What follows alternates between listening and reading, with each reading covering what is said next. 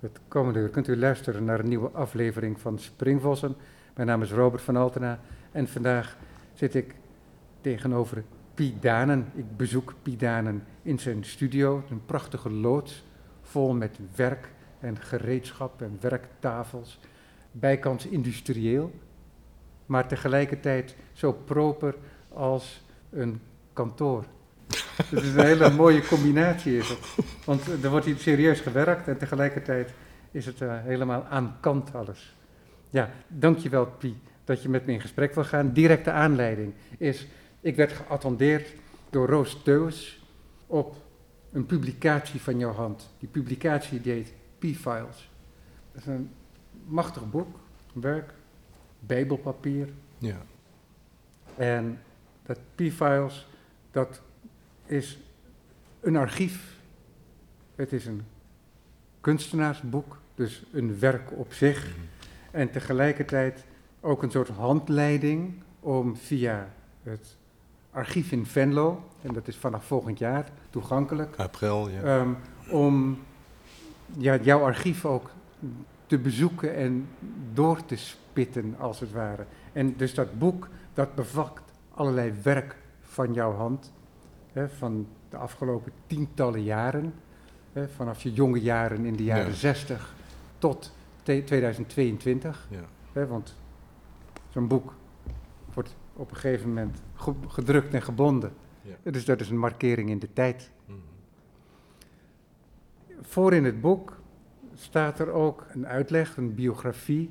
En daarin doe je ook iets uit de doeken, wat mensen uit je directe omgeving misschien wel wisten, maar dat je nooit aan je publiek, met je publiek deelde. Jij hebt eh, allerlei verschillende takken in je kunstenaarschap.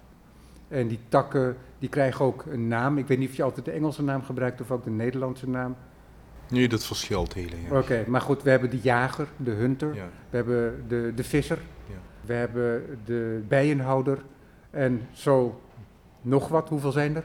Een dertigtal. Een dertigtal. Ja, dat zijn allemaal takken van je werk die soms misschien elkaar ongetwijfeld ook beïnvloeden, maar een soort rangschikking ook zou je kunnen zeggen. Hè? Een soort concentratie voor verschillende gangen in je werk. Maar wat je in dit boek zegt, is dat die verschillende gangen in je werk, die zijn verbonden met persoonlijkheden. En toen je dat tegen me zei, toen dacht ik in eerste instantie, net zoals Fernando Pessoa, de dichter, schrijver, en die onder allerlei heteroniemen, eh, Ricardo Reis, eh, Alvarez de Campo en nog een aantal van dat soort eh, namen, ook schreef en net verschillende karakteristieken. Maar jij vertelde me nou, er zit een iets anders aan ten grondslag en dat is namelijk dat ik een meervoudige persoonlijkheid heb.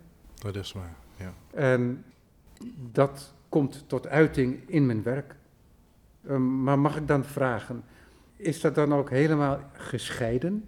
Als je vanuit de ene werkt of vanuit de ander?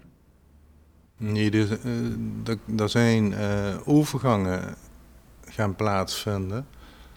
Ehm, zal ik maar even noemen dat het een drang is voor eh, een nieuwe persoonlijkheid aan te nemen.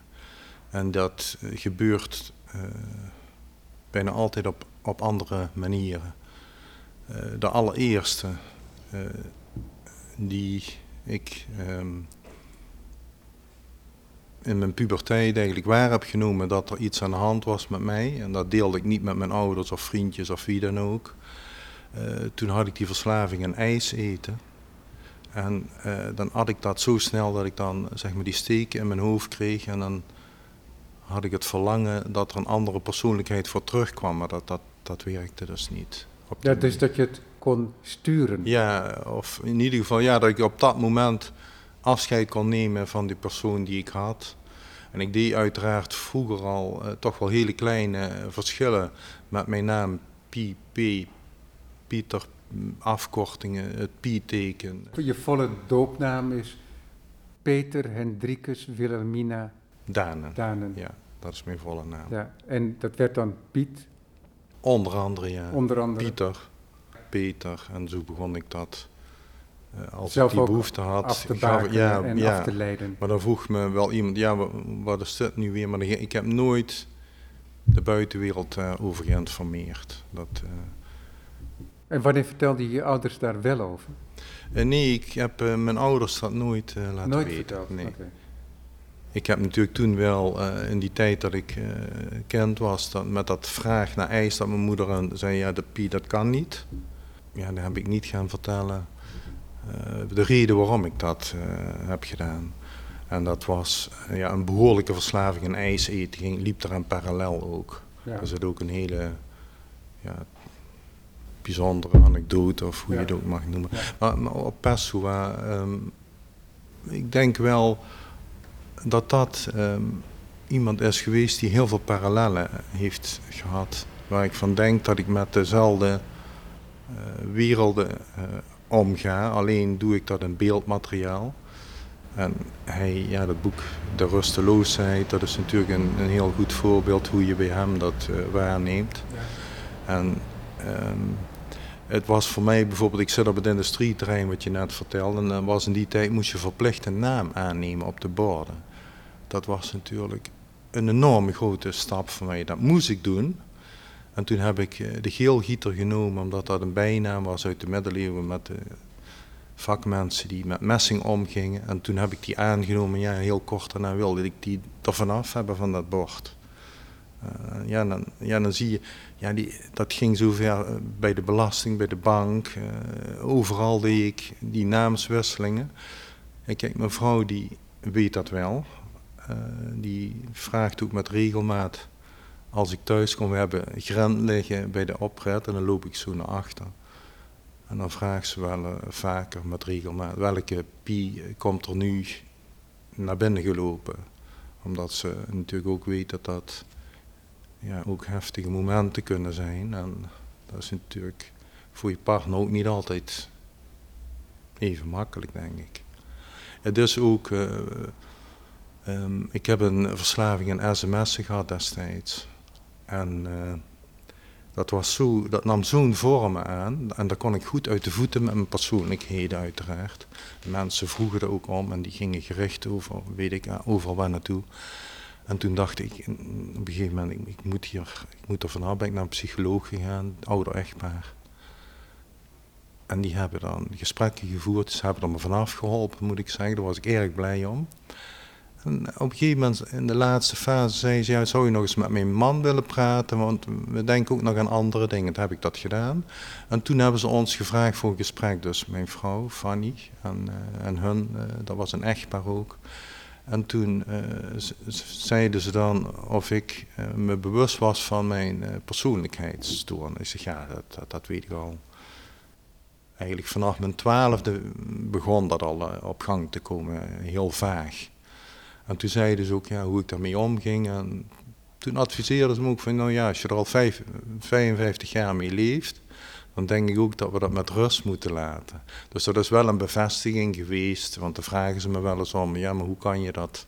Ja, ik, ik kijk bijvoorbeeld, ja, alle giraf heb ik ook een tijd gehad met een project nog met iemand anders. Dat was met eh Stoffels. Ja, dat was met die... die Samenwerkingsproject van vijf jaar toch? Ja, vijf jaar, ja. Ja. Heb met hem eh, 15 jaar een atelier gedeeld. Een hele vroege vriend van mij. Ehm, die heb ik ontmoet eh, met 12 jaar dat hij met regenweer na school eh, een worm uit de grond kroop. En de juffrouw kwam uit school en hij gooide die bij haar in haar blouseje. Ik denk ook dat die, zoals je weet, dat mijn werk ook heel lang daarna steeds in beeldmateriaal terugkomt. Omdat ik eh, ja, ik, ik, ik lever beeldmateriaal. Wat zich opslaat, wat zich in mappen in mijn, in mijn brein. eh, eh, zoals ik tegen Ernst van Half zei, dus navigatie in mijn brein eh, via mijn archief. En dingen mengen zich, bouwt zich op en lagen. Zo heb ik dan de biografie in dat boek gemaakt. Ja. Nou, zo was het ook bij mij terechtgekomen. want Nou. Ernst van Alven die sprak met Roos Teus. En Ja. Roos Teus die Ja, sprak mee van jouw project. ja. En, maar dat is interessant natuurlijk, omdat die archivering, Mhm. wat normaal gesproken een soort artificiële ingreep is in een praktijk, Mhm. lijkt hier er veel beter op aan te sluiten. Het is weliswaar een bepaald systeem hè, wat je Mhm. gebruikt hebt. En dat is niet per definitie het systeem wat in jouw hoofd zit. Maar er zit wel een bepaalde systematiek in jouw hoofd kennelijk. Ook die, ehm, ja, die archivering, tot die archivering uitnodigt. Ook omdat veel van je werk een bepaalde archivale kwaliteit heeft. Hè? Omdat je zelf ook zegt, ik bedenk geen dingen. Nee. Er zijn geen transformaties door veranderingen van bestaande dingen. Nee, ik laat bestaande dingen zien. Daar valt wat op af te dingen natuurlijk, want dat doe je wel degelijk. Alleen is het zo dat je probeert om dat zo min mogelijk zelf te doen met eigen hand. We- komen wel te spreken ongetwijfeld over je bijenproject en dergelijke. Ik moet trouwens denken ook aan die namen. Mijn nichtje, Ja. toen zij klein was, die kreeg van mijn moeder een pop.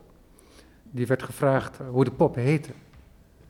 En die had eigenlijk een hele mooie oplossing voor het namenprobleem. Die zegt, de pop heet naam. Mm, mooi.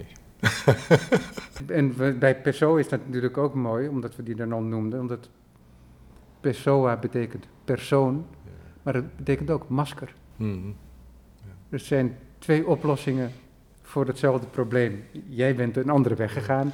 en Je hebt al die verschillende namen ook gegeven Mhm. aan die verschillende personen. Hoe is dat voor je praktijk? Ja, laten we dan nu langzamerhand weer over je werk Ja. gaan praten. Ja. Maar hoe, hoe is dat dan voor je praktijk? Want je kunt het niet controleren.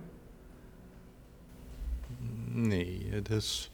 Ja, nu, ik moet zeggen, nu het boek er is eh, na tien jaar archivering, ehm, gaat zeg maar al die persoonlijkheden, en die continuïteit van onderwerpen uit het archief. eh, dat kan zijn eh, vanuit de jacht of het voedsel of de maag van de mens die centraal staat of de geometrie.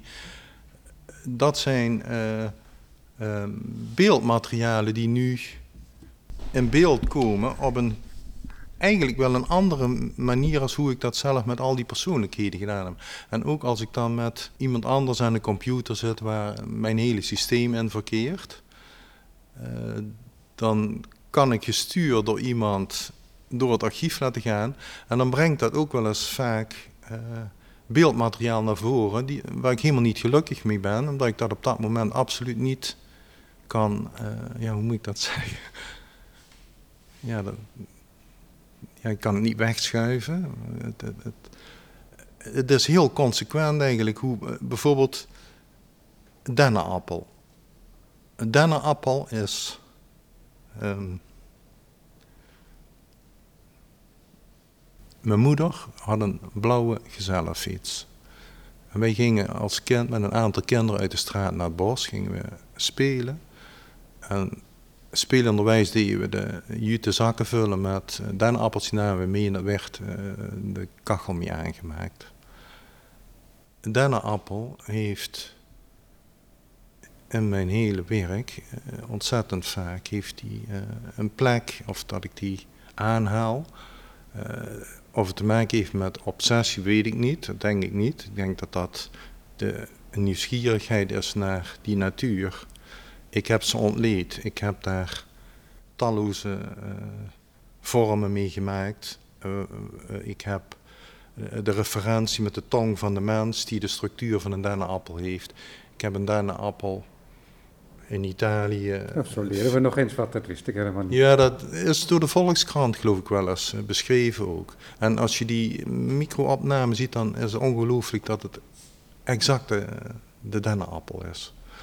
Eh, Ik heb, al, eh, ik heb ook eh, in de dennenappel met lode letters, zeg maar, ik, jij, hij, wij, ik, u. Daar zit ik natuurlijk met die persoonlijkheden die ik dan de gelegenheid heb gehad om in één natuurlijk product te zetten. Want wat ik eigenlijk doe is niet meer als observeren van, ja, niet alleen natuur natuurlijk, maar ehm, en dat, dat registreer ik, dat geef ik weer uit. En, en, en dat is ook, ja, dat moet ik geloof ik wel zeggen, dat die persoonlijkheden dat allemaal ook op een andere manier kunnen doen. Ja, Want daardoor kan dat, die P-files, misschien soms dacht ik eerst chaotisch overkomen, dat is absoluut niet. Je ziet daar ook die lijnen en die zijpaden. Uh, ik heb... Ja, want wat interessant is, als ik je even mag onderbreken, is het is niet... Het is echt als in een archief. Dus het is echt een, uh, een vat van fiches. Mhm. Met fiches. En die fiches die zijn gerangschikt op nummer en op jaartal, maar niet thematisch georganiseerd. Nee. De thematische organisatie die komt pas naar voren als je als straks op de website van het gemeentearchief Venlo bepaalde zoekfuncties gebruikt. Ja. En dan wordt dat wel op die manier georganiseerd. Nee, maar dat is belangrijk. Als dat niet zo zou zijn, dan zou je eerder geneigd zijn om het thematisch te ordenen. Bijvoorbeeld. Mm -hmm. Ja, Ernst je hebt een hele mooie lijst van uh, woorden. En gezien uh, de klassieke archi archivaris of archieven, uh, die hanteren liever ook andere zoekfuncties. Maar ik, ik hoop ook dat dat straks, als het ontsloten is, natuurlijk ook op diezelfde manier hoe ik dat hier ontwikkeld ja, hebben. een ander idioom is dat. Ja, ja, Ik, weet verder niets van techniek af of weet ik wat allemaal. Uh, dat interesseert me ook niet zo heel veel. Het enige natuurlijk wat ik fijn vind is dat... Ik heb daar natuurlijk met een heel aantal mensen aan gewerkt. Dat is uh, wat ik eigenlijk uh, gisteren ook dacht van ja... Een radioprogramma die heeft geen, ja, geen beeldmateriaal. En heeft, uh, het is niet zoals een film dat je daar, uh, hoe heet dat ook alweer? Uh, ondertitels, ondertitels, tekstinformatie ja, bij ja dat, dat, dat, is er niet. Ik dacht, dat wil ik graag. Maar hoe moeten we dat doen, dat ja. programma met... Nee, kijk, dit gaat enorm tekortschieten da daarin natuurlijk. Maar dat is ook, vind ik altijd, de kwaliteit ervan. Ja. Dus dat, dat, dat gebrek. Mm -hmm. um, Jij stelde voor, toen we elkaar hierover spraken over de telefoon, om het zo te doen à l'improviste. En dat wil zeggen dat jij een zoekfunctie intikt, mhm. hè, want dat archief is wel bezoekbaar op jouw computer nu, hè, straks in het gemeentearchief ook. En dat we aan de hand daarvan je werk bespreken. Ja, dat zou En bepaalde karakteristieken. Mhm. Maar nog eventjes één vraag. En dat is dan de vraag die jouw vrouw stelt nadat ze jouw voetstappen heeft gehoord op het grind, ja. als jij thuis komt, wie heb ik nu tegenover me zitten? Dat geef ik nooit een antwoord op. Oké, nee. dat is prima. Dat is prima. Maar de vraag moest gesteld worden. Ja, ja. Weet je, dat dat, dat antwoord niet komt, dat, uh, dat mm. doet er niet toe. Nee. Dankjewel. Ja. Dus dan wil ik jou nu uitnodigen ja. om een uh, zoekfunctie in te uh, voeren. jij hebt die lijst van zoekfuncties, bijvoorbeeld in shelf 1 en 2. Ja. Die is alfabetisch als die... Uh, ja, ik heb hem hier Oh, je hebt hem ook daar, ja, ja? precies. Uh, wil je graag dat ik eentje... Doe maar wat. Ik um, vraag het mij niet, voer het maar in. Ik ga mij... Ik kan op allerlei manieren zoeken. Ik zal in mijn fotoarchieven enkele duizenden beeldmaterialen aanwezig zijn. Dan geef ik en ja, want het, is, het loopt, hè, want het is een enorm archief. Het loopt van 64 hè, tot van jeugdwerken. Van jeugd tot. Die ik hier achter ook zag liggen. Twee houtgesneden beeldjes. Oh ja, met afgekloven voetjes. Ja. Door de hond afgekloven voetjes. Ja. dus uh, ze zien er ook uit als een soort amuletten, mm -hmm. uh, de beeldjes. Dat was eigenlijk de, uh, toen ook al dat ik een, een boer of een farmer, zeg maar ook gekoppeld aan die voedselketen. Maar dan kom ik dadelijk misschien even op terug hoe dat zit. Ja, oh, of zal ik farmer pakken? Kom, dan doe ik dat. Ik weet niet wat daar verder... Uh... Open hier. En daar verschijnen twee klompen, klassieke houten klompen, maar tegelijkertijd zien ze er ook uit als dennenappels. Ja, dat is in 1988 gemaakt, dat werk. Dus ik heb een, de dennenappels ontleed en losse delen, schillen zal ik maar zeggen. En die zijn systematisch geniet om de vorm van de klomp heen. En één van de klompen die heb ik dan deels vrijgelaten. De andere klomp kan je ook bijna waarnemen, eh, exact hoe die vormgeving van de dennenappel terugkomt in de neus van de klomp. Maar we kunnen hierbij, hè, dat is dan om dat meteen maar in te zetten, we kunnen hierbij niet, toch niet beweren dat Pidanen hier alleen maar registreert. Ik denk het wel, ja. Ik wil er verder... Nee, dat is ook niet Maar zo... je hebt een transformatie van materiaal. We Ja. hebben een dennenappel, we hebben klompen, die worden bij elkaar gebracht. Mhm. De dennenappel wordt ontleed en anders ingezet Ja. als een soort bekleding. Mhm. Maar tegelijkertijd ook, ja, het neemt een nieuwe gedaante aan als het ware, Ja. zou je kunnen zeggen. Mhm. En tegelijkertijd is het ook zo dat het een soort particulier privé-idioom is Mhm. van jou als kunstenaar. Ja, dat zal... En dat betekenis krijgt in een bredere omgeving van andere werken ook weer. Mhm. Wat je net al vertelde over de dennenappel. Ehm, ja, goed. Het is toch een object wat overblijft? Nee, dat is waar. Maar kijk, er zijn, Maar, er zijn momenten waarin dat klopt. Dat registrerende. Bijvoorbeeld de dennenappel die zijn zaden al afgescheiden heeft en dus open staat. En dat jij dan de, dat heet dan ook lobben denk ik, hè, net als bij een blad. De lobben van de dennenappel nummert. Want je telt ze dan bijvoorbeeld. ja, Het is sowieso al een prachtige mathematisch, geometrisch-mathematische figuur natuurlijk. En dat nummer, dus dat is wel heel registrerend. En die nummers, die geef je soms aan. Daar heb je verschillende technieken voor om dat te doen. Dus daarbij kan ik me dat voorstellen. Maar het is ook zo dat je soms wel eens dingen veroorzaakt. Hé, ik heb hier over jouw rechterschouder heb ik hier uitzicht op drie glazen of plexiglazen kasten. En daarin de resten van een gedekte tafel. Dus bestek en porselein en glaswerk. Kapot. Want kapot, want het stond op een tafel, maar die tafel was gemaakt van ijs. Dus dat proces van het smelten heeft er uiteindelijk voor gezorgd dat de tafel in elkaar stortte. Dus dat is op een bepaalde manier registrerend. Hè? Mhm. Dus dat is eh, documentair bijna. Net als de nouveau realist in de jaren zestig dit soort eh, zaken konden doen. Maar tegelijkertijd is er ook dat proces van dat smelten. En dus, dus het is waarnemend, maar tegelijkertijd ben je ook veroorzaker. Hè, want dat ijs, de tafel in de vorm van ijs, is geen natuurlijke toestand. Dat heb jij gemaakt. Ehm, ja, goed, hier is natuurlijk enorm erg van belang eh, de voedselketen. Ehm, de ijskristal is ook een zeshoek, net als bij de bijen. Dat zijn Ja. toch dingen die daar... eh, Ja, daar heb je ook mooi grafisch werk van ja, gemaakt, ja. zag ik. Ehm, het bestek wat ik in Milaan heb ge- gebruikt bij de ijstafel, daar heb ik in verschillende talen eh, ingeslagen met letters hoe laat is het in de wereld. Ehm, ik heb toen de ijstafel in Nederland laten maken, een bedrijfje in Zuid-Limburg. Toen is het met een voedseltransport door de Alpen naar Milaan gegaan. Zij hadden daar een soundje bij gezet en af en toe van, oh, nu gaat de tafel zeg maar door de Alpen of paar bekende plekken. Is dat daar in een depot gekomen, een vriescellen van eh, een voedselbedrijf. en daar ben ik dan eh, met mijn busje die gaan ophalen, eh, midden in het voorjaar met, met temperaturen. En ja, zeiden ze, die kan toch niet in jouw auto mee worden? Ja, toen vertelde ik dat dat een ijstaaf was, dus die ben ik gaan opzetten. Ook dat dat water van Nederland in het rioolsysteem gaat komen van, eh, van Milaan.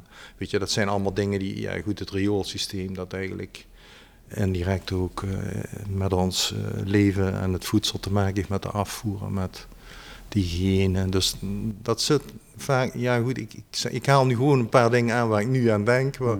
wat gekoppeld aan de ijstafel zit. Het condenseren uiteraard, wat heel belangrijk is. Dat moment als je die gaat uitpakken, dat er, eh, die slaat grijs uit de. Ik heb een performance gedaan in de jaren 70, een van de eerste. eh, met condensatie dat ik een fluitketel water ging koken achter een glasplaat.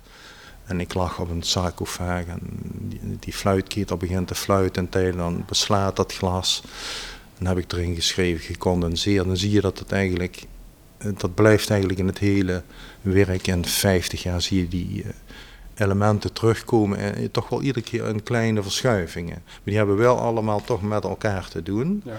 En niet alleen van persoon, maar ook ja, inhoudelijk zal ik maar zeggen. Ja, kijk, achterliggend zou je kunnen zeggen dat er wel overal inderdaad een soort analytische blik is. Een analytisch blik, daarmee wil ik zeggen dat je ehm, een object ontleedt. Dus dat je niet alleen maar het object in zijn toestand waarin je hem aantreft, denkt, maar je denkt ook het proces. Het proces van uh, de dennenappel, de zaad van de dennenappel, maar ook dat de naald van een dennenboom uiteindelijk het product is. En zo denk je dat ook met over, uh, laten we zeggen, moleculaire veranderingen van water bijvoorbeeld en ijs. Dus die processen, die denk je daar altijd bij. Mhm. En misschien is dat wat jij bedoelt inderdaad, als je het hebt over het feit dat je meer constateert en waarneemt, dan dat je zelf ingrijpt.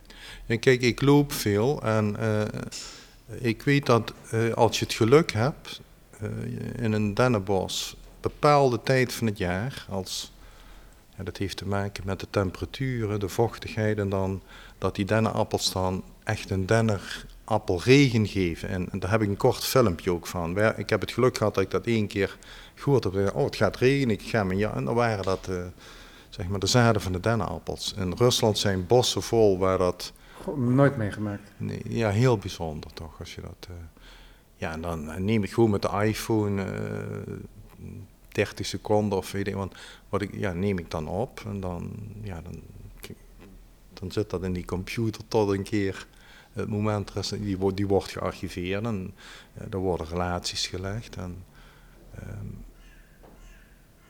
ja, ik bedenk, ja, ik weet, het, het gaat gewoon heel vanzelfsprekend van het een. Eh, in datzelfde bos heb ik uh, een mierennest uh, gefilmd. En ik was in de computer wat het doen. Ik, ik denk, oh, ik bekijk dat filmpje nog even. En ik kreeg een telefoontje, dus ik zet mijn filmpje even stil. En ik kijk in het beeld, alle mieren weg. Ik denk, wat, ik zeg tegen, ik heb het telefoongesprek gestopt. Ik, zeg, ik moet nu wat, anders doen. En uh, toen heb ik uh, dat uh, waargenomen dat dat werkelijk zo is. Dat ongelooflijk, die duizenden mieren die krioelen in dat beeld. En toen heb ik een presentatie gedaan in de nacht, in de witte nacht van het museum in Bologna. Dat had ik heel groot geprojecteerd en uh, daar had ik dan het beeld af en toe stil laten staan op sommige momenten en dan in een loop gezet. Ja, dat mensen fascineren. Waar zijn die mieren? Zijn die nu weer de grond? Maar dat, ja, dat is. Hoe, hoe is dat? Dat er bij momenten alle mieren weg zijn. Ja, dan zijn ze gewoon weg. Ja, dat ga ik niet bedenken als ik door dat bos loop of die dennenappelregen of dat ik en ik ben alleen maar op dat moment gefascineerd door die mieren en ik sta daar te, te observeren wat die doen. Bij dat ik een heel mooi verhaal van iemand weet die in een uh, inrichting zat en hij zat bij een mierennest met een penseel mieren een stipje te geven. Uh, zodat hij kon controleren uh, hoe vaak dat die bij hem voorbij kwamen en dat hij verschillende kleuren gebruikt had. Daar moest ik toen wel aan denken, ja.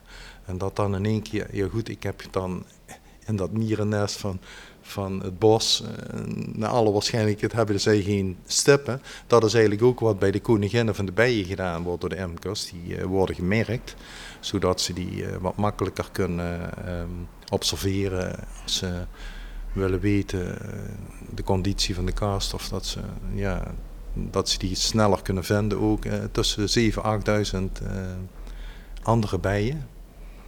Uh, jij, jij ziet nu eigenlijk alweer dingen aan. Dat springt misschien van de hak op de tak. Nee, maar dat is ook mooi. Want het laat ook de volheid zien van je praktijk. Dus dat is prima. Maar, ik, uh, maar misschien is het wel weer aardig om weer naar het beeldscherm terug te keren. Dus wat er nu vanuit de klompen met de lobben van de dennenappels... is er nu een foto te zien van in eerste instantie gewoon tuingereedschap. We zien een, een, een spade een, een schop en ja, een soort, hoe noem je dat ook alweer, die bovenste? Deze? Ja, dat is een wat, uh, een, een, een ogive, een soort puntvormige uh, ja. schop.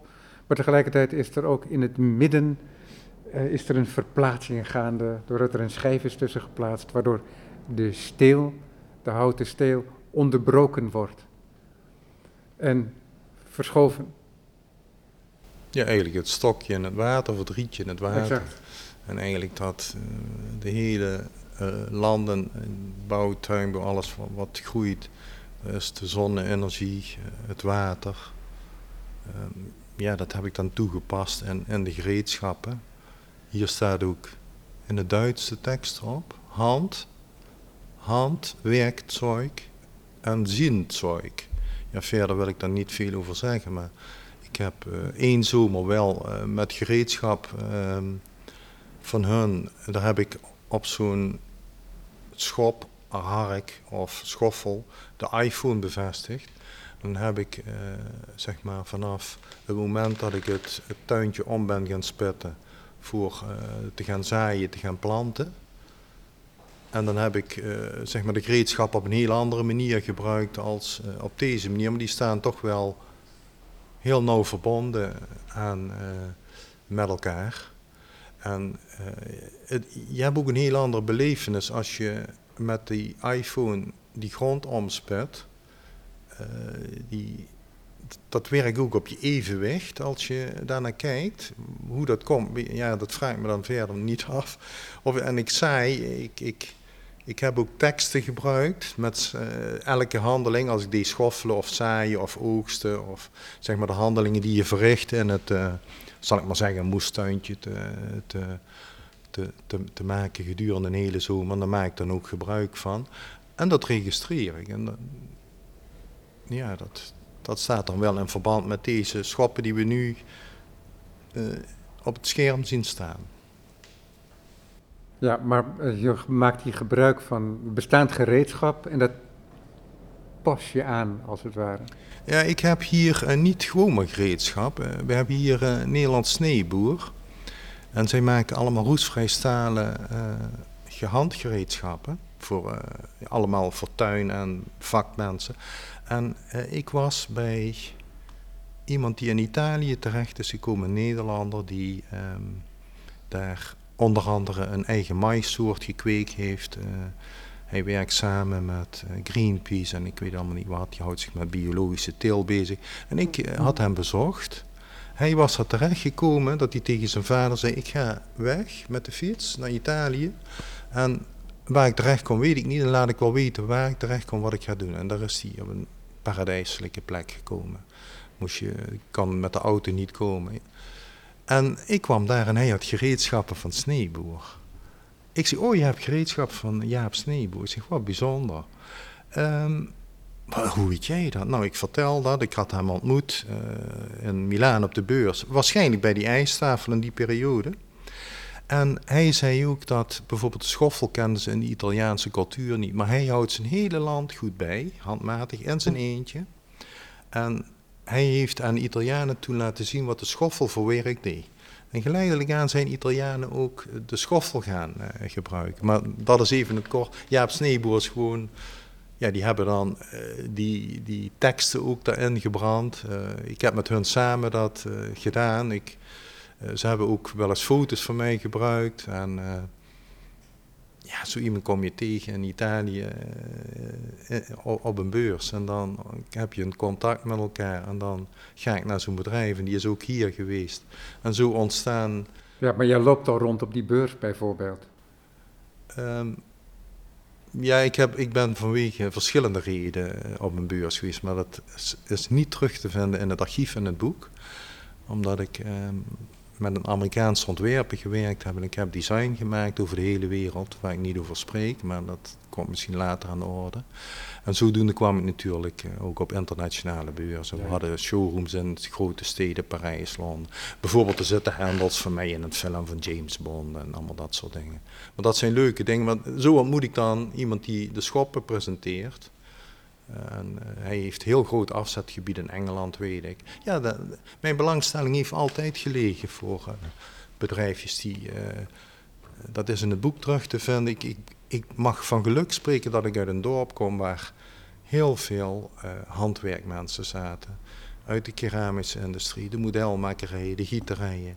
Eh, een sigarenfabriek waar wereldwijd de, de pak van binnenkwam als kind. Ja, dat staat ook in het biografisch deel. Yes. En aan het begin van het boek zijn er wat kaartjes.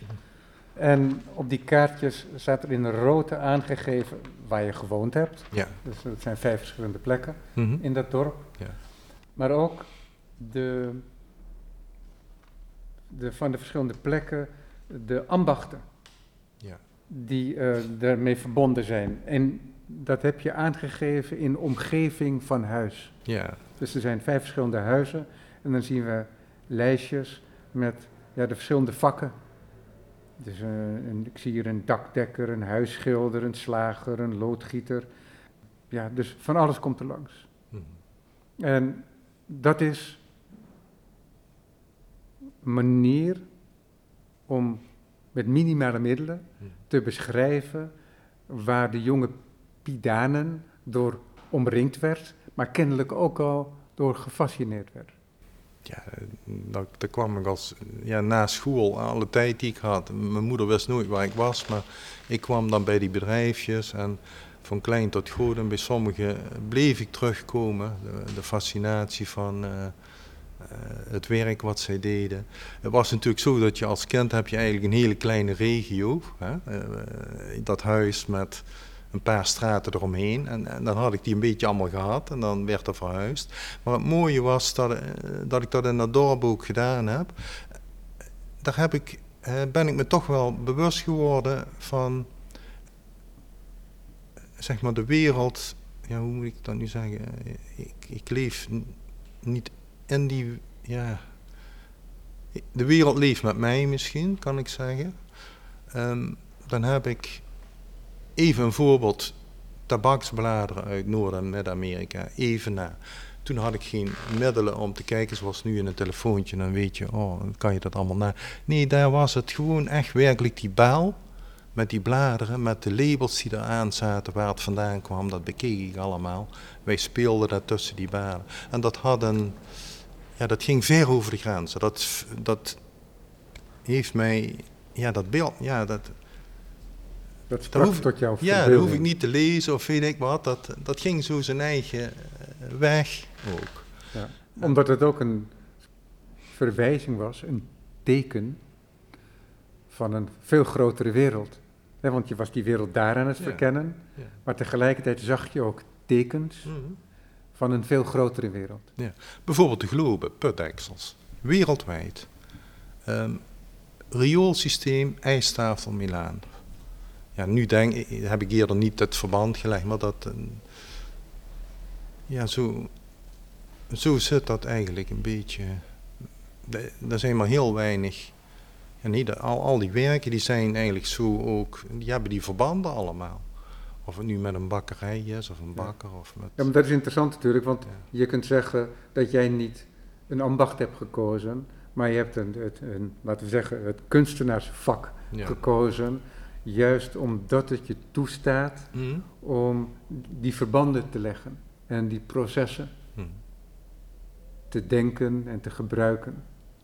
En dat te veruitwendigen Mhm. in objecten, soms performances, Ja. soms foto's. En het zijn allerlei verschillende verschijningsvormen om dat te doen. Ja. Mooi. Dan kom erop met het volgende werk inderdaad. Eh, Zullen we een ander eh, even? Ik laat het helemaal aan jou. Oh nee, hier. Ik, ik zie hier. Dit is een onderdeel van 2010. Ik zie nu, even uit mijn ooghoek, zie ik op het scherm twee gebogen vormen, ogenschijnlijk van hout. De ene is vlak en de andere, daar zit een, een relief in. Ehm, ik, het is voor mij niet helemaal duidelijk waar ik naar kijk, dus misschien kun jij er iets Ja. over zeggen. Het is een koperen box die gebogen is. Ik heb. Het is eh, koper. Ja, Oh ja, het interessant is dat, want vanuit de hoek waarin ik het zie lijkt het ook net hout.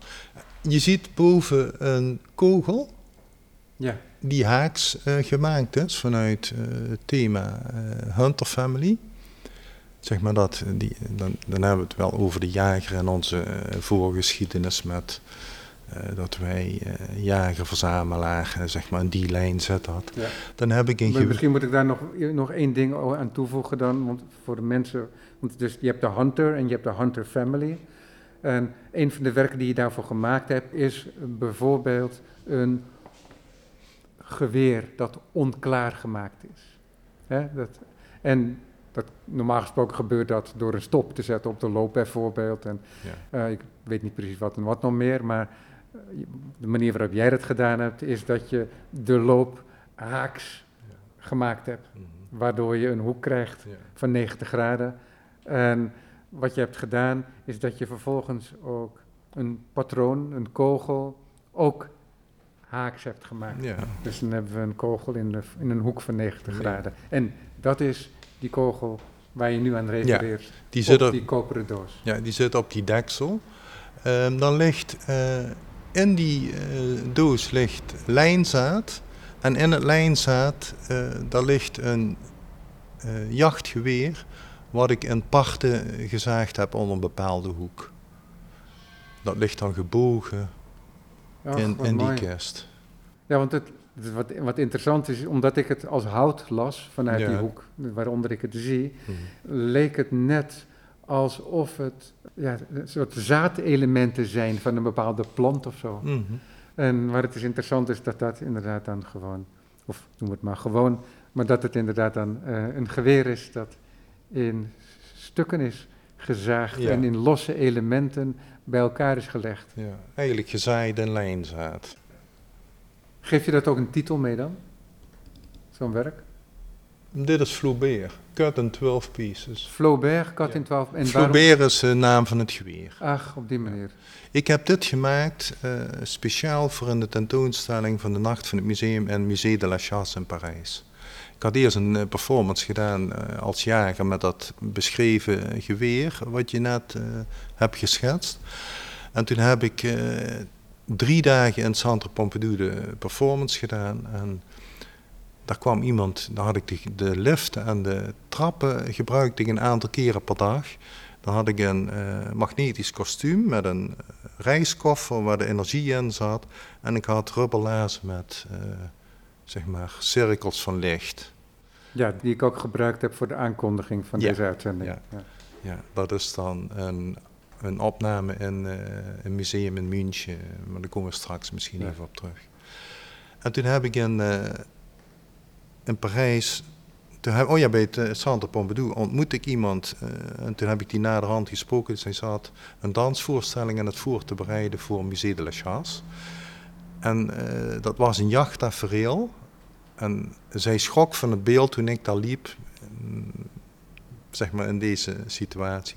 Toen vroeg ze mij, vind je het goed als ik de directeur van het Museum de la Chasse dat eh, laat zien? Ik zeg, ja, doe maar. Nou, een week later zat ik aan tafel en kreeg het hele museum ter beschikking en hebben een half jaar later een tentoonstelling gemaakt. En toen heb ik dit object in die kist, heb ik gemaakt. Zij had een vitrine van een eh, hert wat opgezet was. En heb ik eh, deze, deze doos die heb ik gemaakt voor eh, op die vitrine, zodat dat zeg maar één geheel werd, eh, dat een museum over jacht en natuur gaat. Dus dat is, dit is eigenlijk een onderdeel eh, uit die Hunter family. Dat is, die Hunter family is een beetje ontstaan. Ja goed, die, die laarzen met dat licht. En dat werd waargenomen door een vriend van mij in Italië. En die zei, ik, en hij, was op de hoogte onder andere van mijn persoonlijkheid. Die zei, misschien kan je die Hunter family gaan opzetten.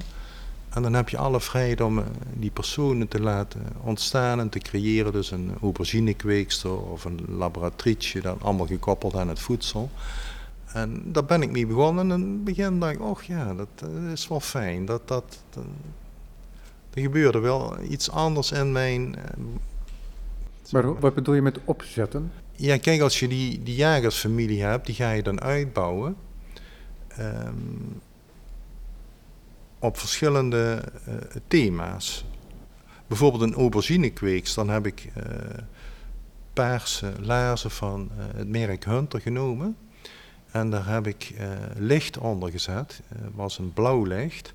Een laboratrice, die heb ik met laboratoriumlaars in het wit. Daar heb ik weer een andere lichtbron. Ik had op een gegeven moment, zeg maar, eh, light-footed, light-footed toe.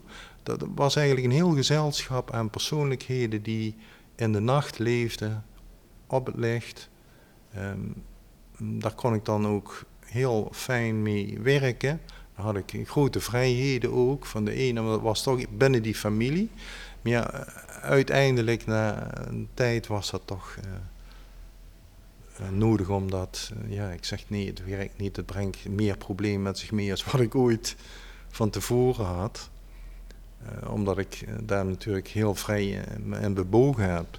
Maar er zijn wel hele bijzondere dingen mee gebeurd met die familie. Kijken of ik daar een ander voorbeeld. Ik ga even een andere zoekfunctie doen, is dat goed? Gaan we bij die farmer weg? Ik denk dat ik even de fisherman neem. Of is dat vandaag op de tak? Even kijken. Heb ik. Uh... Kijk, Fisherman heb je hier 1985. Dan zie je bestek. Zie je? Misschien, of, kan je zien uh, op de computer? Ja. Dat is een houtgravuur uit de jaren 1985. Als kind naar school ging ik vissen, maar ik stond in het water, wilde ik altijd staan. Je ziet ook vissen om mijn voeten heen. Hier is de waterspiegel met een geslachtsdeel. En daarbovenin zit een mes, een vork en een lepel. Ja, ja, het ziet er bijna uit als een röntgenfoto van zo'n, uh, hoe heet dat eigenlijk ook alweer? Zo'n visbroek, waarbij je in water kunt staan. Dat heeft een bepaalde naam, de naam ontschiet me nu. Maar zo ziet het eruit, deze houtsnee. Kijk, dan zie je eigenlijk als voorbeeld het bestek. Ja, de vissen die komen ook vaak terug in het, het water. Um, ik voelde, ja, ook die vesten langs mijn benen. Ja, ik, ik stond, in, dat was bij een riool ook in de buurt. Er was een ijzergieterij waar ik ging vissen. Eigenlijk komen al die elementen, ja nu, omdat ik met jou zit te praten, eh, schuif ik dat naar voren. En um, bij die gieterij, dat was gewoon het speelterrein, uh, zeg maar, de tijd van mijn lagere school. Dan ging ik daar vissen. En, ik ging kijken als die vormen uitgekapt werden. Dat gebeurde allemaal buiten in die tijd. Ja, wat ik wel heel interessant vind hieraan, Pie, is dat um, wat je voortdurend zegt, is dat je dergelijke verbanden legt, maar dat je tegelijkertijd zelf bepaalde scheidingen hebt door die persoonlijkheden, ja. Waardoor je die verbanden net op een andere manier legt. Hmm is toch interessant? Ben ik me niet zo van bewust. Nee, nee, maar het is iets wat ik nu constateer. Kijk, op, in wat voor mate en hoe, ja. daar kan ik geen uitspraak over doen, want daar ken ik je werk niet goed genoeg voor. Mhm. Maar het is zomaar een idee dat opkwam.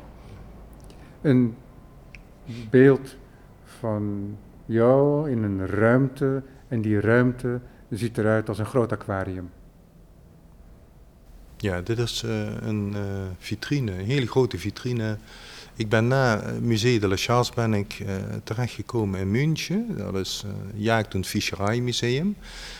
Daar heb ik dezelfde mogelijkheden gekregen voor het hele museum te gaan gebruiken. En ook de nacht van, van het museum. Daar heb ik een performance als visser gedaan. Maar dan is het schepnet zoals je ziet met de lichtbron. En ik sta hier met... Ja, dus de cirkel waar het net aan vast zit, dat is tegelijkertijd ook zo'n mooie cirkellamp. Ik heb er eentje thuis in mijn hal hangen. Oh, ja, nou, de volgende keer kunnen we die gebruiken. En je ziet dat zijn eigenlijk geprepareerde vissen die hangen op uh, aan, aan, lijnen. Uh, hoe, ja, nee. Dan heb ik um, toestemming gekregen om in die vitrine te gaan. Daar heb ik ook de kaplaarzen aan. Of, ja. Aan die laarzen zitten ook weer allemaal uh, kunstvisjes verbonden met angels, die ook gebruikt worden in de vissport. En um, ik wist nog niet wat ik die avond ging doen uh, als performance.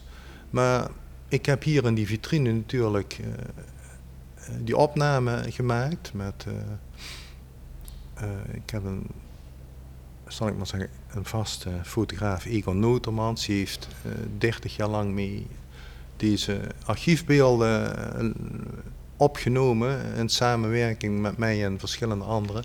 En toen kwam ik uit die vitrine en ik had dat schepnet vast. Ik was blij dat ik eruit was. En dan zie ik in één keer dat die weerspiegeling van dat schepnet in de vitrine van die vissen.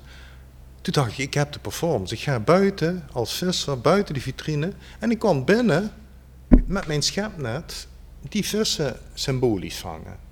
Het was zo realistisch. Dat Ja, beeld. omdat, omdat je die verplaatsing krijgt Ja. via de weerspiegeling, Ja. dat het net lijkt Ja, alsof die lichtcirkel zich ook bevindt in het aquarium. ja, die, Terwijl jij daar niet in stond. ja, en die, die lichtcirkel ging om die, want het zijn behoorlijke grote vissen ook, hè, een aantal daarvan. Dat was zo mooi dat die, zullen we zeggen, ja, oriool. Dan gaan we gauw iets over religie en zo, maar dat is het niet. Maar dan moest ik wel aan denken, het o- oriool. Ja, goed, wat, wat, wat dat te doen Ja, het soort nimbus. Ja. Ja, ja. Ja. En, en, en, en de breking van het licht natuurlijk Ja. zijn allemaal dingen die daar eh, een rol in spelen. Precies net zoals bij dat tuingereedschap wat je eerder besprak. Dat je ook sprak over de breking van het water en dat je die gevisualiseerd hebt in hoe je het aangepast hebt. Ja.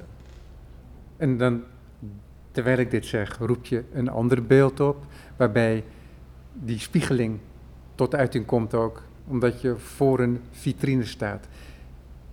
En jij staat daar als visser met laarzen en dus dat schepnet met dat licht, eh, cirkelvormige lichtarmatuur. Zoals je ziet, ik heb die eh, foto eh, in delen gesneden. En die zijn weer samengevoegd door een nieten van de vorm. Ehm, Als de m- maïs, de mazen van een net ook misschien weer. daar kan je, zou je aan kunnen denken aan verschillen. Eigenlijk heel veel dingen komen dan bij mij eh, aan de orde. Ehm, in de voedsel, wij, wij doen ons voedsel ehm, in de meeste gevallen altijd in stukken snijden. Of het nu vis, vlees, groente, welke vormen ook. Maar dat in stukken snijden, dat komt eh, in heel veel eh, periodes van mijn werk voor. Eh, bij onder andere de visser ook. En het doet ook denken aan de angels van de visser, omdat ik hier roestvrij stalen niet heb gebruikt. Ik heb eh fotoopnames gemaakt van de achterzijde van de afbeelding, waar geen afbeelding meer is, maar alleen de papierafbeelding met de gesneden vorm en het nieten, waar je dan wel eh, wat meer denkt aan een net van de visserij. Ja, dat, dat in stukken snijden gebeurt heel veel. Dat heb ik bijvoorbeeld gedaan met prei. Die heb ik in eh, verschillende metalen gegoten. Messing, aluminium, brons, ijzer. Dan heb ik die in parten gedaan. En in het hart van de prei daar heb ik LED-licht eh, ingezet. En eh, die preien liggen dan op een bed van ijzervelsen. Dat heb ik gepresenteerd in Londen in 2005, geloof ik. Maar dan zie je dat in parten snijden. Eh, ja, mijn eerste collage van 14 jaar, dat was al dat ik eh, met dat ijs eet een stuk uit die foto heb gesneden voor die persoonlijkheid weg te snijden waar dat ijs in terug is gekomen. Eh, dat heb ik dan ook in die biografie gaan verwerken door dat ik een poging heb gedaan om mijn persoonlijkheden, hoe dat functioneerde in mijn hoofd. Maar dat in parten snijden, kijken of we hier misschien bij dit onderwerp nog iets terug kunnen vinden. Waar ik aan München aan denk, wat is dat hier?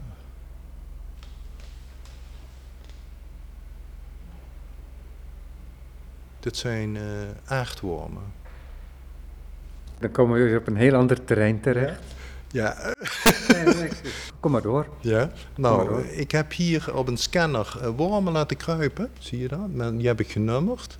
Dan heb ik eh wormenformaties. Ik heb wormen met angels in verschillende formaties opgenomen. Ik heb een werk gemaakt van aardwormen en kistje met regenworm, zal ik maar zeggen. Eh, als je een regenworm doorsnijdt, is de vorm van een vijfhoek. Ehm, ik heb dat kistje gemaakt met, eh, aan de buitenzijde met eh, diagrammen van planten. En ik heb een kopie gemaakt van het kistje, dat heb ik in messing gegoten. En dan heb ik de doorsnee van de aardworm of regenworm, die zit dan als deksel op dat kistje. Dat kistje zou ik bijvoorbeeld bij deze afbeelding zo kunnen plaatsen. Die, die nauw in verband staan met, met die aardwormen. Ehm, met de angels bijvoorbeeld, die heb ik weer een relatie gebracht tot het alfabet.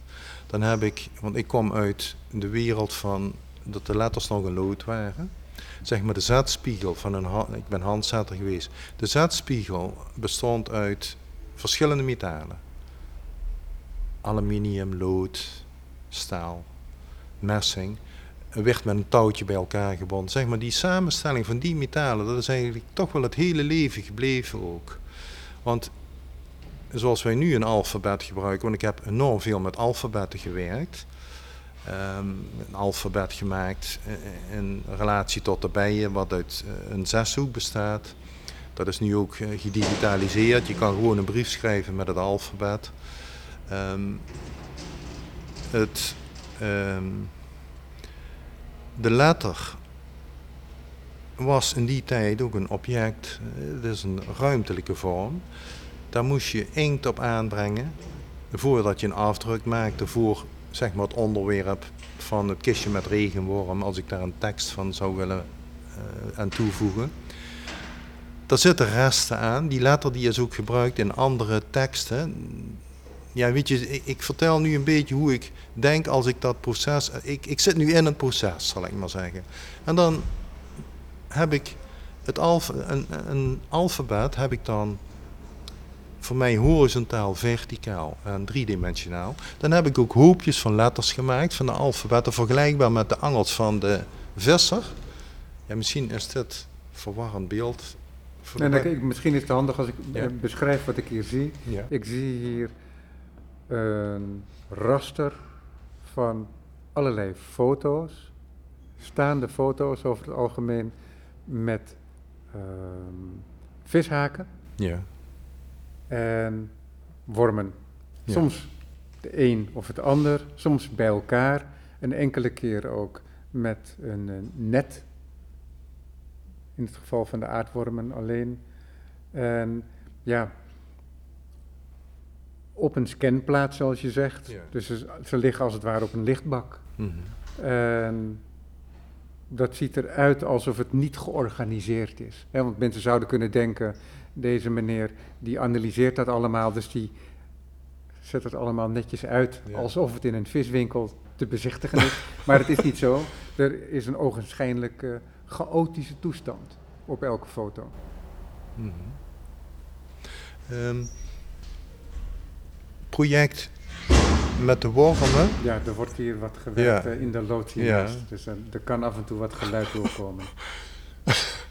um, de worm en de bij, die zijn uh, een van de belangrijkste elementen bijvoorbeeld van onze hele voedselketen.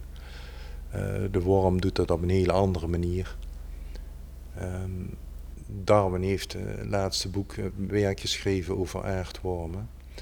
Um, met de bijen, uh, Vitruvius heeft uh, daarover geschreven, de problematiek in de landbouw en de in verschillende takken van waar wij ons in begeven voor ons voedsel te voorzien.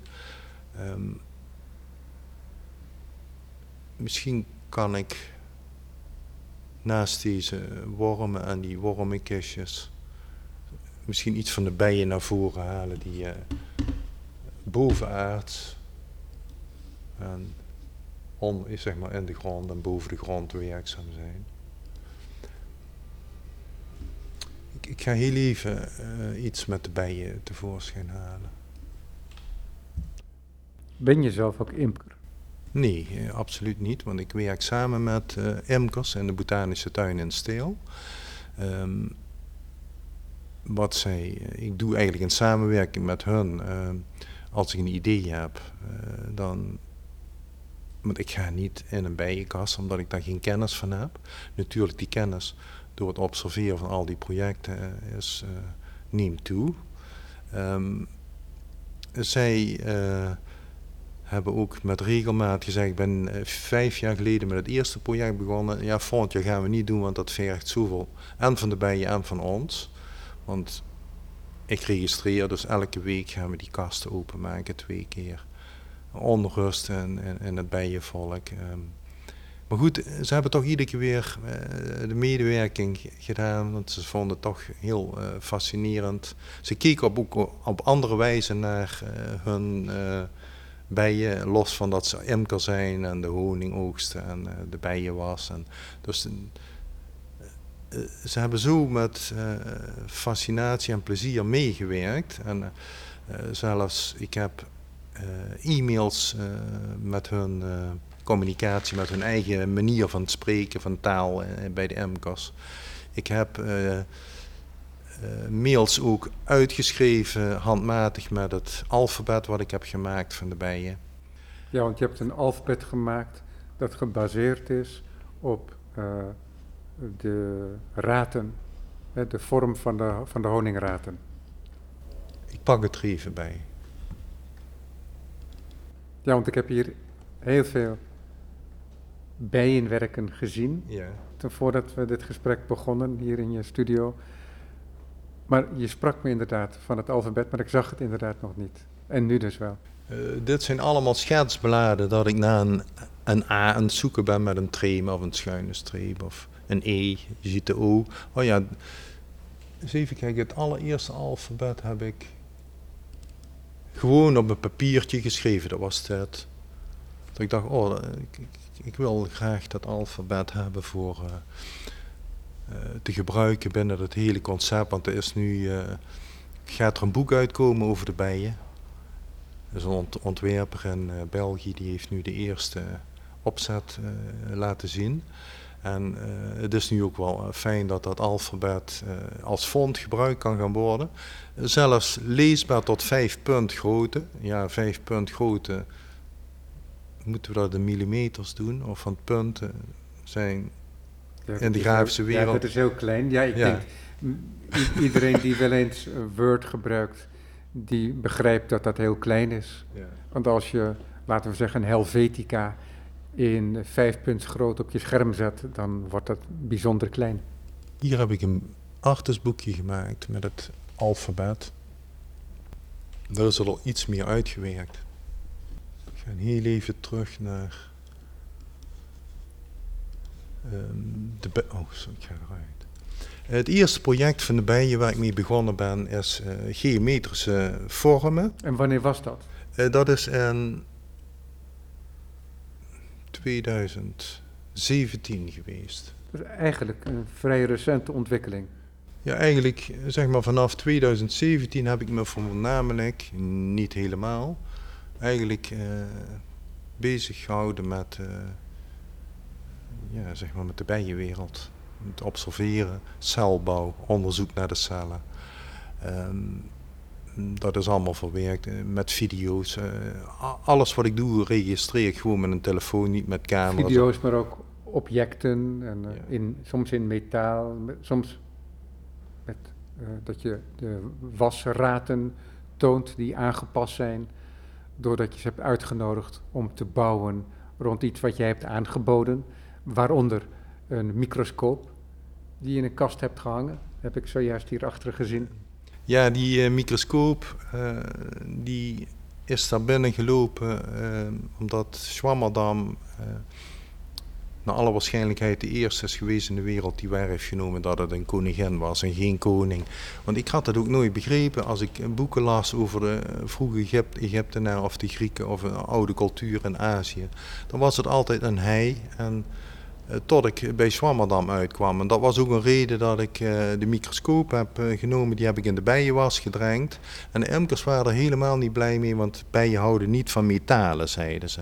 Dus de vraag is of ze cellen gaan bouwen of niet, dat, dat, dat zullen we dan wel zien. Maar goed, die is op de kop en die kast gehangen en toen zijn ze natuurbouw gaan doen. En ehm, die microscoop die staat ook in de P-files, onder andere. Um, ik heb uh, zeg maar een hele historie van uh, het moment dat ik een microscoop ga kopen op internet. Um, tot en met het laatste moment dat die uh, nu volgebouwd is met cellen en in de vitrine staat. Dat zit eigenlijk een hele historische lijn in. En die, die historische lijn die bestaat dan uit allerlei verschillende materialen. ik, ja, ik ben heel grafisch, dus ik, ik doe met printtechnieken heel veel op bijzondere papiersoorten. Er zijn uh, prints die ik in bijenwas heb gedrenkt. Um, ik ben van die microscoop uh, bij Shakespeare uitgekomen, een woordenboek van Shakespeare, Spears uh, Beehive, dat geveeld is geworden in Londen en terecht is gekomen in Amerika. En ik hoorde dat in Turijn en toen heb ik onmiddellijk een paar pagina's van internet afgehaald, gelezen wat daar was. En ik vond dat een mooie aanvulling in, in het werk van de bijen. En toen heb ik een aantal pagina's in de was gedrenkt en daar zijn de bijen gaan recyclen. Ze hebben een deel van de pagina's uh, weggegeten. Daarvoor hebben ze cellen gebouwd op die pagina's. En de laatste zeg, fase van celbouw, die als ik denk nu wil ik het stoppen, dan heb ik die uit de kast gehaald en die hangen nu in de vitrines. Zo ben ik heel recentelijk met 14 koninginnen die we hebben in de wereld, regerende. Um, die heb ik um, met hun wapen uh, en een foto van de koningin uh, in een bijenraam gezet. En uh, die op dezelfde wijze als Shakespeare zijn de bijen daar de cellen op gaan bouwen. Maar ik heb ook een correspondentie gevoerd naar de koninginnen. Ik heb op een hele klassieke wijze op oud-Hollands papier uh, zeg maar een tekst uh, wat in relatie staat tot de bijen. Ik heb een foto van de koningin in de was gedrenkt, die is meegegaan in die post. Ik heb um, in het drukwerk de naam van de koningin laten kalligraferen. Ik heb de adressering laten kalligraferen. En ik heb een postzegel gemaakt van koningin Maxima. En ik had er eentje die die was zo bijzonder door de bijen hadden op haar portret de cellen gebouwd en zij draagt vaak hoeden waardoor één oog een beetje afgeschermd is. En zo hadden de cellen ook gebouwd. In ieder geval, ik heb in die fase uh, de koningin Maxima uit de bijenkast gehaald. En toen heb ik daar uh, bij de post, uh, kan je postzegels maken, heb ik dat gedaan. Maar ik dacht, dat zullen ze niet goedkeuren. Maar die goedkeuring was er. Maar ik had niet meer gedacht als, ik doe veertien uh, brieven aangetekend versturen met het portret van de koningin als postzegel. En nu heb ik postzegels bij willen maken. En toen kreeg ik uh, van de post een mail waar ik uh, de wet overtreed en niet toegestaan werd. Maar inmiddels had koningin Maxima wel mijn post ontvangen, aangetekend met haar eigen postzegel. En ik heb een hele leuke reactie, maar omdat de koning ook zelf bij heeft, die is toen, dat is geloof ik aangeboden door een programma, uh, Vroege Vogels, dacht ik, ik weet niet precies, die, daar kwam een van de imkers mee. En um, nu heb ik zeg maar die post, uh, die is een deel uiteraard van het project. Um, wat bijzonder is, dat um, ik heb nu van Camille een brief gekregen. Zij heeft ook bij je. Uh, die heeft ze ook deels persoonlijk geschreven. Um, de overige twaalf, dat weet ik niet of ik daarna een, nog een reactie op krijg. Ik zie dat sommige nog niet afgeleverd zijn, want dat kan ik volgen met de Q-code. wat ik interessant vind is ook natuurlijk in die communicatie uh, de digitalisering van ons hele systeem waar wij in leven. En um, dat ik dat kan koppelen aan, uh, aan dit project uh, met die koninginnen. Ik ben niet koningsgezind of weet ik wat. Dat, daar gaat het. Ik, ik, ik, wil ook niet over politiek. Ik wil niet over. Ja, maar het sluit mooi aan bij je bijenproject natuurlijk. Ja. En wat natuurlijk interessant is voor jou, denk ik ook, is die geometrie ja. die in die bijenkasten te zien is door die prachtige honingraten, mm. dat die dieren dat maken en ook structureren al naar gelang de omgeving die zich aandient ook en al naar gelang wat hen aangeboden wordt. Want je hebt ook een niet gebonden deel van de P-files heb je in zo'n kast gehangen, weliswaar ook gedrenkt in de was. En heb je er na zeven dagen uitgehaald en daarin zie je dat de was is weggevreten, het papier is weggevreten. Dat wordt dan vervolgens weer buiten de kast gegooid.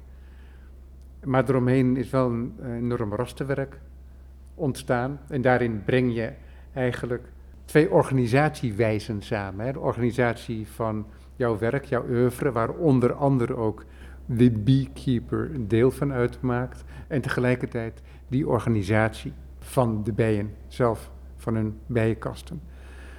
En waar we het helemaal nog niet over gehad hebben, en ja, we zullen dit gesprek een keer moeten afsluiten natuurlijk. maar wat interessant is, dat we er als aanleiding in de opening nog wel over gehad hebben, is dat die P-files, dat is een jarenlang project geweest ook, om je werk, dat verschillende organisatielijnen kent ook, en ook vanuit een soort organisatieprincipes gedacht en gecreëerd wordt, dat dat vervolgens ook weer georganiseerd wordt in een archief. Dat is je persoonlijk archief. En dat persoonlijk archief dat wordt overgedragen, is al overgedragen aan uh, gemeentearchief Venlo. En vervolgens heb je daar dus ook een boek bij gemaakt. En dat boek, dat is dus dat P-files. En dat heb je gedaan door de paginaopmaak te baseren op een uh, archiveringssysteem. Waardoor dit boek ook daadwerkelijk als handboek gebruikt kan worden voor de toegang tot het archief. Dus het is in die zin ook een naslagwerk om verder te komen. Um,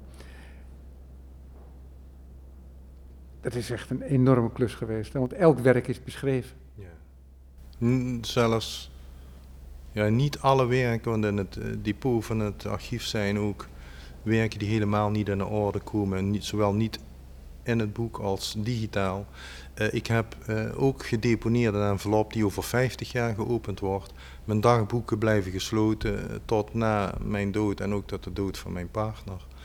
Um, met het pletten van de aluminium babykamer die door Rob Hotselmans is opgenomen, um, zijn we een film aan het maken die generatie 1.5 heeft, die ook over 50 jaar een première gaat.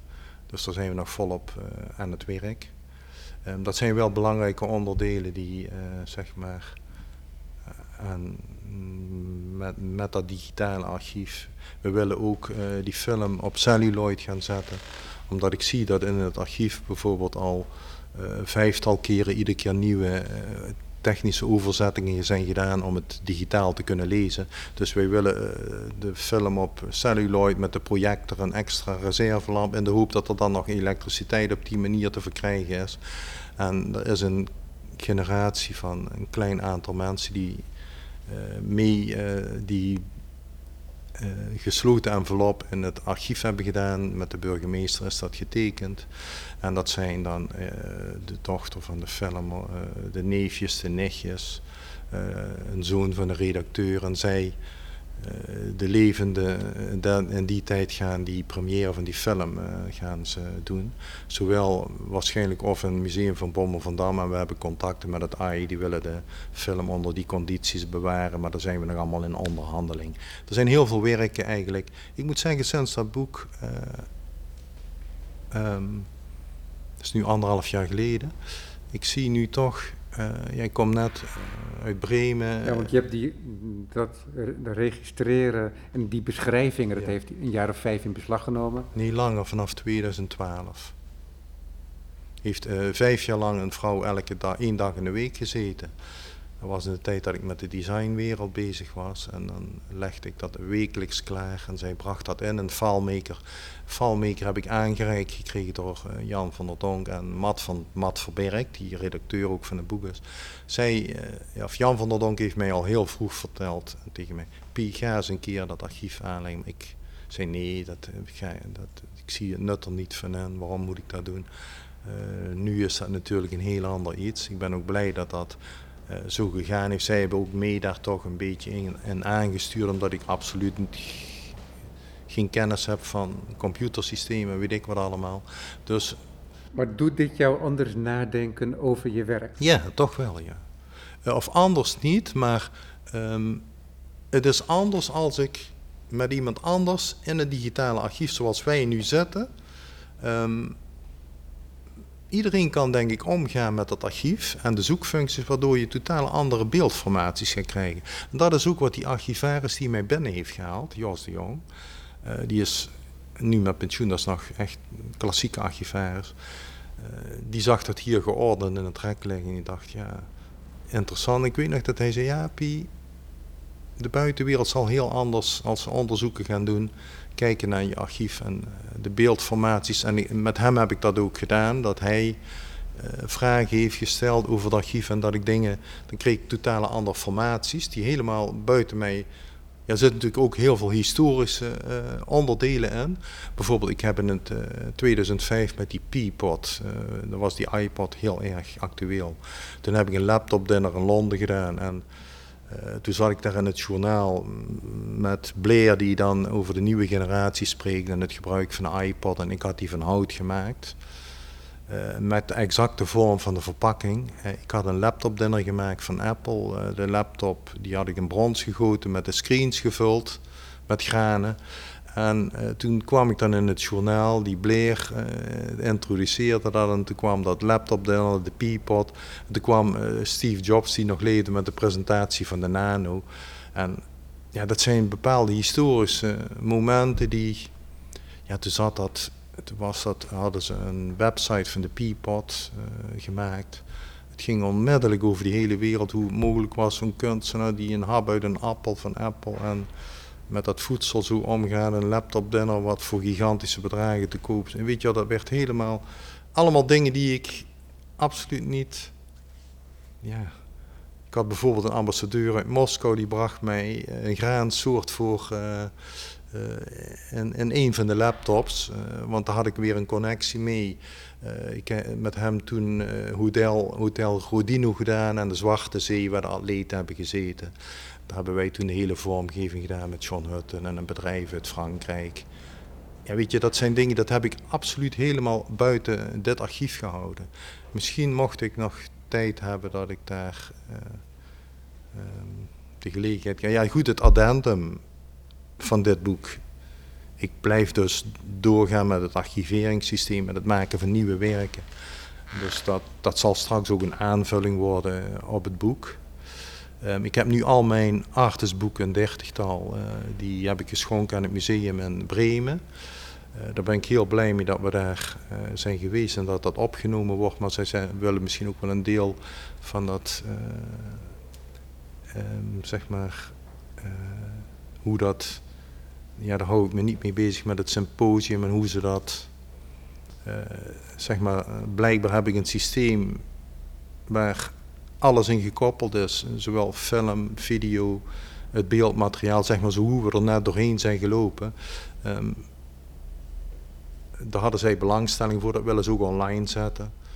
Um, ja, dus dat het niet alleen in het archief toegankelijk is, maar dat het volledig toegankelijk is als website. Ja, dat de website misschien straks ook gekoppeld wordt, of dat ze in Bremen en het, uh, in het museum, daar hebben ze een afdeling um, kunstlerpublicationen. Uh, ze hadden nu een hele mooie tentoonstelling over allemaal artistboeken van Boogie Woogie. Zij zijn heel gespecialiseerd op dat gebied. En uh, ik ben natuurlijk blij dat mijn artistboeken. Die had ik ook uit het archief gehouden. Dat ik dacht, nee, dat hoort niet thuis. Hè? Maar om terug te komen op mijn vraag. Ja. Hè, wat voor beeld heb je gekregen door het op je werk door het maken van die P-files? Ik was dolgelukkig dat ik alles op uh, zo'n klein schijfje heb gezet. En dat ik dacht, nou, de hele materiële wereld is niet meer zo van belang. En dan was ik, ja, daar had ik al langer. Ik, ik, wilde van die materiële wereld af. Maar dat is gek toch? Want ja. je, hebt, je, hebt je hele leven heb je objecten gemaakt. Ja. Heel veel ambachtelijk ook, want daar hou ik van. En niet het minst fysieke. Hè? Want je, mhm. je had ook met jouw achtergrond grafisch werk kunnen maken, waardoor het allemaal plat is, in, ja. zo in mapjes uh, opgeborgen kan worden. Nee, je hebt beelden, installaties. Mm. Nee, je hebt je niet ingehouden. Maar het voelt bevrijdend dat het ook op die manier als het ware minder materieel toegankelijk is? Moet ik dat zo lezen? Je nou, de eerste stap was eigenlijk dat ik kinderloos ben met mijn partner. We hebben geen uh, erfgenamen en Fanny zei, Pie, wordt tijd dat je uh, gaat zorgen voor uh, dat het werk ondergebracht. Dat was die stap ook, uh, de kreeg prostaatkanker in 2014. En toen dacht ik, ja, ik ga toch beginnen met organisatie van het werk en onderbrengen, de contacten gelegd met het archief vier, vijf jaar geleden. Dus toen zag ik wel, um, omdat het archief toen deels ook al ingevuld was, allemaal door andere mensen, maar daar had ik nooit gebruik van gemaakt. Dat keek ik ook niet, hè, want dat ben ik pas in een vrij laat stadium gaan doen, een jaar of vijf geleden, denk ik. En uh, ja, ik zie nu hoe de, hoe de buitenwereld daarop gaat reageren. Dat vind ik wel interessant natuurlijk. Maar voor mij is het van belang eigenlijk dat ik mijn proces door kan doen. Uh, op die manier hoe ik dat eigenlijk al uh, 60 jaar uh, een beetje geïsoleerd hier in zo'n dorpje. en dat ik gewoon, ja, toch, toch met alle plezier mijn dingen kan blijven doen. Ja, maar dit is toch ook terugkijken. Ja. Wat je doet is dat je met je werk natuurlijk altijd in het verlengde werk maakt. In het verlengde van wat je al eerder maakte. dus je bent heel consequent daarin. Ja. Dat is een mooi woord. Ja. Mm, maar het is toch van een andere orde als je al je werk gaat archiveren, al je mhm. werk gaat beschrijven. -hmm. Dat overzicht, dat brengt wellicht opluchting, zoals ik dat net zei. Maar, uh, want dat zei je ook zelf, hè, mhm, dat je een beetje afraakt van uh, al die materie. Mm. Maar tegelijkertijd blijf je werk doormaken. Ja, ja. Ja, kijk nu die samenwerking bijvoorbeeld met de bijen. Ja, goed, ja, nee, is toch ook de materiële kant ervan. Ik vind dit eigenlijk een van de mooiste uh, dingen die ik gedaan heb. Dat ja, ik zie het eigenlijk als een samenwerking met de bijen. En dat ik met zo'n ja, insecten. Uh, de imkers vertellen bijvoorbeeld, ja, ik, ik haal nu even iets aan, dat de koningin kan bepalen dat ze een cel gaat leggen, een, een eitje, die mannelijk kan zijn, dan legt ze mannelijke. Als ze darm moeten komen. Wil ze uh, een vrouwelijke leggen, dan legt ze een vrouwelijke. Heel, dat, dat ze dat kan. Dat is eigenlijk natuurlijk wat wij uit dan aan de monarchie of de koninginnen denken over hun erfgenamen. Ja, je weet hoe dat maatschappelijk allemaal zit. Die koningin die kan ook, zeg maar, dat de koningincel uh, belegd gaat worden. Ja, dat zijn, ja, waarom haal ik dat nu aan? Um, uh, omdat het een samenhang is. Ja. Omdat het een samenhang is met de toestand van het volk. Ja misschien de omgeving of misschien de grootte van het volk. Dat het tijd is dat er een nieuwe koningin komt, zodat die weer uit kan vliegen ook. Eigen levensduur. Mhm. Dus wat je eigenlijk daarmee zegt is dat het individu eh, niet op zich staat. dat er geen, niet zoiets bestaat als volledige autonomie. Mhm. volgens mij is dat wat je aanspreekt dat is en wat je wil zeggen. En dat, je, dat idee van die samenwerking dan die jij dan hebt vanuit mm. jouw positie met die bijen, mm. dat, dat, uh, ja, dat je daar deelgenoot van wordt, als het ware. Eigenlijk, eigenlijk is dat hetzelfde geweest, die overgang dat ik de werkplaatsen bezocht. Toen uh, ben ik gaan werken als handzetter in het klooster. Maar de klooster in die tijd was zelfvoorzienend. Die hadden eigen schoenmakers, hadden loodgieters, hadden slagers, hadden eigenlijk wat ik in de maatschappij... We hebben het nu over Piet Daarnen, een late tiener. Ja, toen was ik 21, ja. 20, net voor de academie, want daarna, ja. en toen dacht ik, oh weet je, dat is fijn. Dan ga ik het klooster eh, in de drukkerij werken als handzetter. Dan heb ik wat ik in de maatschappij heb gezien, dat zit dan allemaal samengebuld. Eigenlijk moet ik nu denken aan de bijen. Dus een kloostergemeenschap bestaat niet alleen uit een rector of wie dan ook in het hoofd mag staan. Maar dat is ook een hele organisatie met, nu ga ik niet in op religie of wat dan ook. Dat is gewoon de observatie van die gemeenschap. Ja, dat heeft toch wel heel veel verband met elkaar. Ja, dit heb ik echt, dat denk ik nu pas op plekken. Dat is fijn met het gesprek van jou. Jij stimuleert mij om dit op te roepen. Dat, eh, ja, hoe dat komt. Dat komt toch door middel natuurlijk van duizenden afbeeldingen die in mijn leven ons. Ik denk ook, ik zie het eigenlijk ook ja, met Oh ja, dat vond ik mooi. Van Alphen zei ja, de maatschappij die is allemaal gericht op het individu. Als ik zie hoe jij met die 30 personen binnen dat archief werkzaam bent, dat is, vond hij zo bijzonder hoe dat. Ja, ik was altijd bang, weet je, omdat ik nooit, dat geen lijn zag. Ik denk, ja, ik, ik dwarrel altijd van de ene hak op de tak. Ik ga niet in op commercie. Ik doe niks. Ik doe eh, wat in me opkomt. Met die persoonlijkheid dan gaat, dan ga je er weer op in. Maar nu, dat vind ik ja, ik ben absoluut niet voor religie of een klooster of wat, maar ik zie in één keer wel, ja, die, die waren ook nog gekleed in, zwarte pijen. Die met z'n allen, uh, zo'n heel, uh, dat was natuurlijk een hele grote internationale orde, over de hele wereld zaten ze. Um, ik heb daar wel uh, ook destijds boeken gemaakt die in Rome waren met de hele eh, organisatie van hun, waar alles in benoemd werd van aanwezigen hè, binnen die orde. Dan nu zie je in één keer dat hele uh, bijenwereld, die de leven van die organisatie. Want bij is, ook, bij is zeg maar een trots bij als ze eh, gaan uitvliegen. En dan heb je ook dat ja. jouw P-files, die door uitgeverij Comma in een filmpje wordt gepresenteerd met handschoentjes mm. op een uh, beetje gekke manier. maar door die handschoenen ziet het er ook een beetje hieratisch uit, een beetje mm. priesterlijk. Ja. Maar dat komt ook door het boek zelf. Daarna kreeg ik het boek van je uh, toegestuurd. En toen zag ik ook dat het boek geprint is door uitgeverij Jongbloed. Ja. En uitgeverij Jongbloed is ook de drukkerij waar de Bijbels gedrukt worden. In ieder geval de nieuwe statenvertaling mm. die ik ooit in het programma behandelde. Oh ja. Dus het is ook geen toeval. Nee. Nee, en ik heb natuurlijk ook het boek uh, opgedragen aan mijn vrouw, want die heeft er toch mede gezorgd dat ik mijn hele leven echt uh, heb, ja, ik heb kunnen doen en laten, zal ik maar zeggen, heel eenvoudig uitgedrukt. Ja. En uh, daar heb ik dan een afbeelding gezocht van, hebben, uh, ze heeft gewerkt bij de Dominicanen. En dan zie je die afbeelding van het klooster, moederklooster in uh, Rome.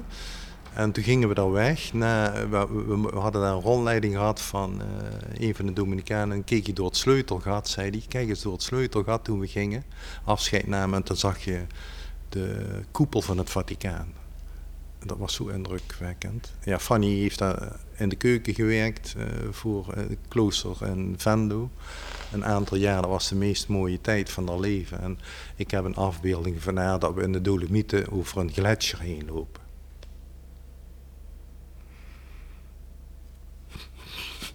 Piet Dank dankjewel.